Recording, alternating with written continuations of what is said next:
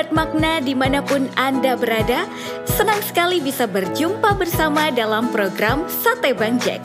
Mari kita mempersiapkan hati kita untuk duduk diam di hadapan Tuhan dan mendengarkan sabdanya. Bacaan hari ini diambil dari Mazmur 46 ayat 11. Diamlah dan ketahuilah bahwa akulah Allah.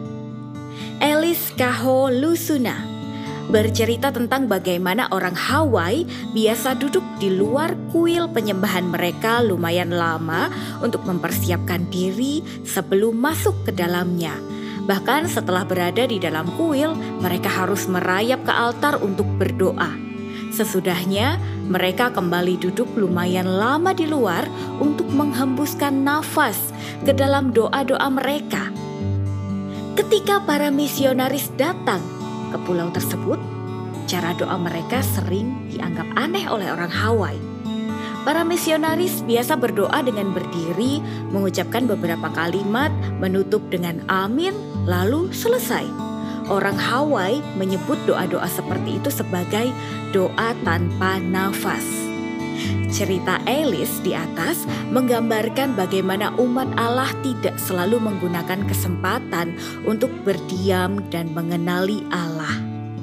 Allah memang mendengarkan doa-doa kita, entah diucapkan secara pelan atau cepat.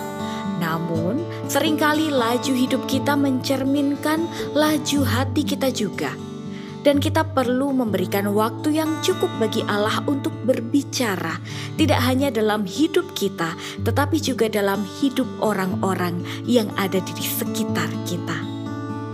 Berapa banyak momen berharga dalam kehidupan ini yang terlewatkan karena kita tergesa-gesa berdoa, amin, lalu selesai begitu saja. Seringkali kita sulit bersabar terhadap banyak hal, dari menghadapi orang-orang yang lamban hingga lalu lintas yang tersendat. Namun, saya percaya Allah dalam kebaikannya berkata kepada kita, "Berdiamlah, tarik nafas, dan keluarkan pelan-pelan." Ingatlah bahwa aku ini Allah, perlindungan dan kekuatanmu yang selalu siap menolongmu dalam kesulitan. Ketika kita melakukannya, kita belajar mengetahui bahwa Dialah Allah. Kita belajar mempercayai Dia, kita belajar mempercayakan hidup kepadanya. Mari kita renungkan. Ingatlah kembali saat Anda pernah berhenti sejenak dan mendengarkan Allah dalam saat teduh Anda. Apa yang Anda rasakan? Langkah apa saja yang perlu Anda ambil untuk dapat berdiam diri di hadapan Allah dan mengenalinya? Mari kita berdoa.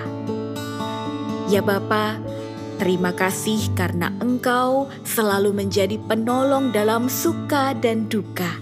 Anugerahilah kami kesanggupan untuk dapat berdiam diri dan mengetahui bahwa Engkaulah